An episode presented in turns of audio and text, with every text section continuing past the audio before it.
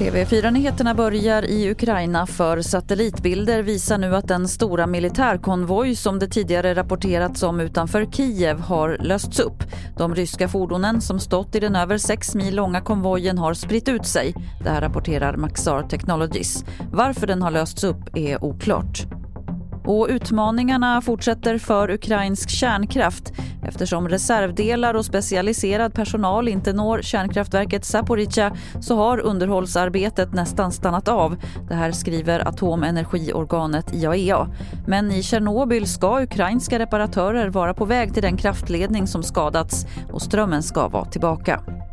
Stockholms stad är positiv till att döpa om gatan utanför Rysslands ambassad till ett namn som kan kopplas till Ukraina.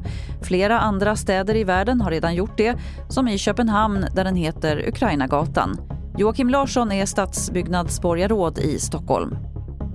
Namnberedningen träffas på måndag. Då kommer man diskutera de här fantastiska förslagen som har kommit in och det är väldigt positivt med det här engagemanget för att visa Ukrainas solidaritet. Så jag hoppas verkligen att vi snart kan fatta ett beslut. Och fler nyheter hittar du på tv4.se. Jag heter Lotta Wall.